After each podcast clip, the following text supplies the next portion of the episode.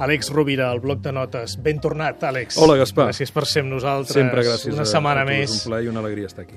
Uh, parlant de com podem ajudar una persona. Proposo que en parlem, no?, en aquest bloc de notes, perquè moltes vegades volem ajudar la persona amb paraules, pensant que sabem allò que és millor per ella, no? Sí, Que mol- moltes vegades equivocadament, però sí, ho pensem. sí. Això ho explicava molt bé Eric Berne, parlant dels jocs psicològics, aquest magnífic psicòleg, creador de l'anàlisi transaccional, va donar lloc a una, a, un, a una cultura de psicoteràpia i de comunicació que després han anat enriquint molts altres autors. I dintre de l'anàlisi transaccional hi ha una idea molt interessant que és el triangle dramàtic, no? els rols que adoptem les persones quan no sabem ben bé com manegar les situacions i quan eh, funcionem a través d'arquetips apresos en la infantesa. Aquests tres rols són el salvador, la víctima i el perseguidor. I dintre d'això que tu deies, moltes vegades les persones tenen o tenim tendència a salvar en els altres. I quan tu intentes salvar un altre sense que tu demani, l'estàs posant en posició de víctima.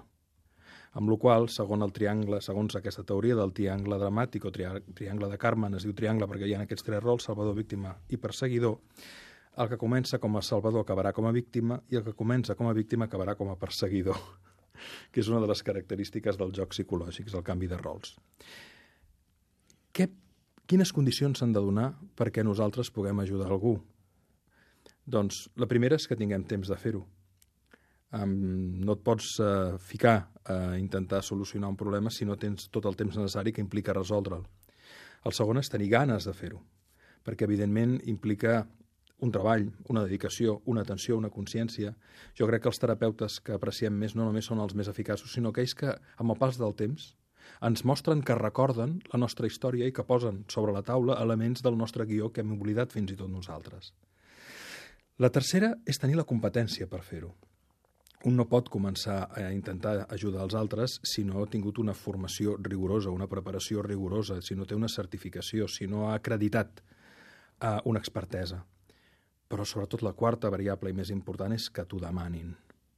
Si no hi ha una demanda clara, explícita, d'ajuda, qualsevol entrada a intentar donar una mà a l'altra generarà un joc psicològic on tu comences com a salvador i acabaràs com a víctima o com a perseguidor, i el que comença com a víctima, perquè tu li poses, perquè et posa en la seva vida sense que tu demani, es revelarà naturalment i també esdevindrà perseguidor. Al final dels jocs psicològics, d'aquestes situacions de triangle dramàtic, són, um, són doloroses, es genera un reforç d'una creença, per exemple, el que vol salvar acaba concloent, veus? Per molt que ho intenti, ningú vol ser ajudat.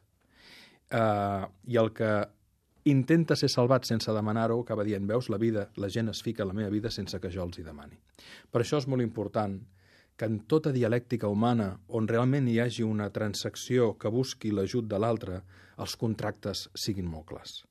Les expectatives siguin clares, les dedicacions clares, els treballs clars i els objectius clars, perquè d'aquesta manera s'eviten, en gran part, els jocs psicològics donaria molt de sí també en l'àmbit de, de l'empresa, en l'àmbit del treball. Si et sembla, Àlex, en continuem parlant la setmana que ve. Fantàstic. Moltes gràcies. Moltes gràcies, Gaspar. Als oients també, moltes gràcies. Una abraçada.